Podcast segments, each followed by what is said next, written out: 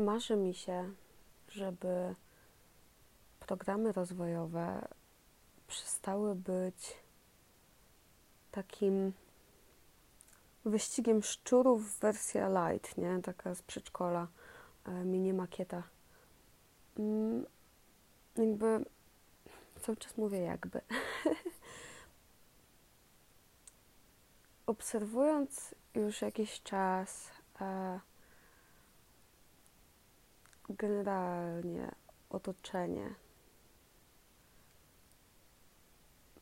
zaczęłam zauważać, że no wiecie, te wszystkie takie programy stypendialne, rozwojowe, e, które są tworzone dla młodych ludzi, mm, one są wszystkie wspaniałe.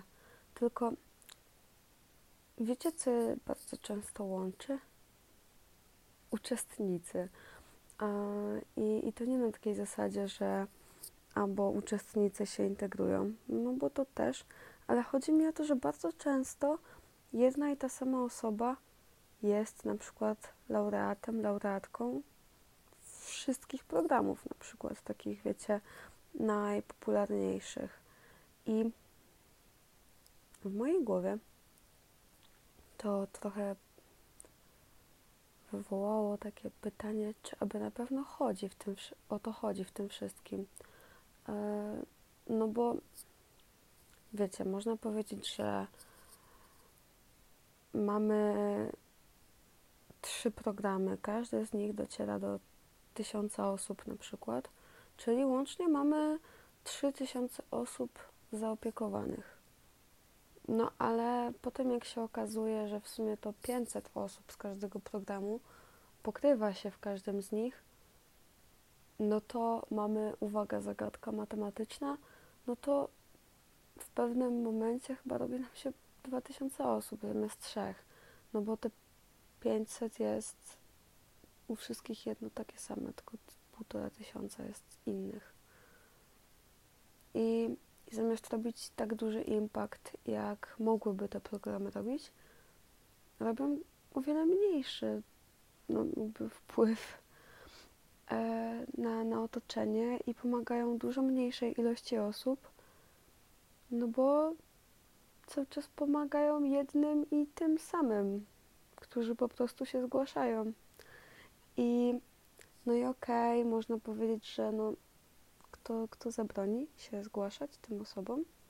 I to jest prawda, jeśli ktoś no, nadaje się do kilku programów i, i się do nich dostaje, no to dopóki regulamin tego nie zabrania, że jest już laureatem jakichś, pro, jakichś programów, no to nic nie stoi na przeszkodzie z perspektywy uczestnika, no ale z drugiej strony, no, czy nie lepiej by było wziąć udział w jednym programie rozwojowym i wycisnąć z niego jak najwięcej?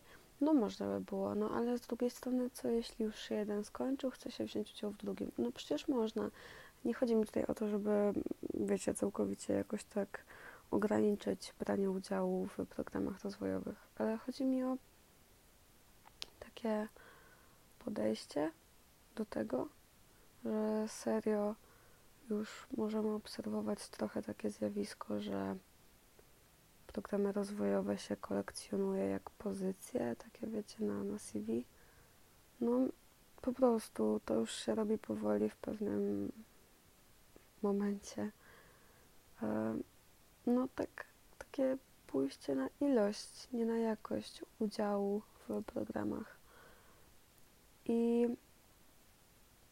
no to jest trochę przykre, tak mi się wydaje, że po pierwsze no czujemy potrzebę brania udziału w jak największej ilości programów, no i też to, że przez to, że zgłaszamy się wszędzie, no to te programy nie docierają do coraz szerszego grona, tylko i tak się kiszą w jednym i tym samym jakby no, targecie.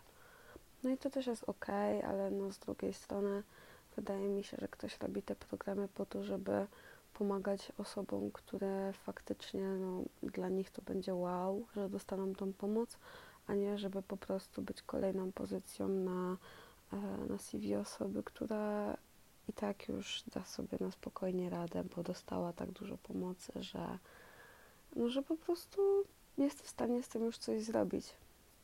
A na przykład jest w programie stypendialnym na miejscu osoby, która nigdy nie dostała jeszcze jakiegoś, jakiejś no, szansy w programie i, i no, no niestety, ale ta osoba na przykład nie dostanie tej pomocy. Wiem, że tutaj tak mocno dosyć generalizuję i to można bardzo łatwo obalić, ale no chciałam wam, się z Wami podzielić tym takim fragmentem moich myśli, bo, bo serio byłoby idealnie, gdyby gdybyśmy po prostu rozsądnie podchodzili do wszystkiego.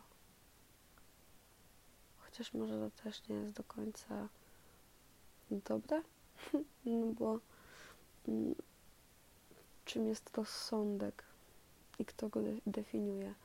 E, no, prostu ciężkie to wszystko jest. Tak myślę. I no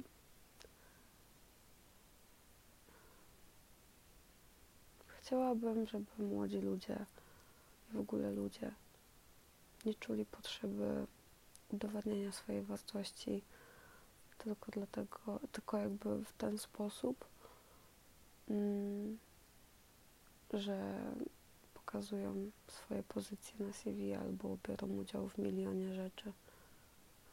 Byłoby super, gdyby ktoś, kto robi na przykład jedną rzecz, a robi ją najlepiej na świecie, no to żeby czuł, że, że to jest ok, że nie musi robić wszystkiego, co tylko się da, żeby ktoś go nazwał ambitnym. A teraz mam trochę takie poczucie, że jest mocny nacisk na taką interdyscyplinarność i na przykład u mnie taka interdyscyplinarność jest jakimś no, elementem funkcjonowania od przedszkolaka, no ale nie u wszystkich. I mam wrażenie, że na przykład osoby, dla których taka interdyscyplinarność nie jest naturalna, czują powinność bycia interdyscyplinarnymi. Tylko dlatego, żeby no, ktoś nazwał je ambitnymi i takimi, wiecie, ło, bo ty tyle robisz. No, więc dzisiaj z puentą albo i nie. Życzę Wam miłego dnia. No i do usłyszenia.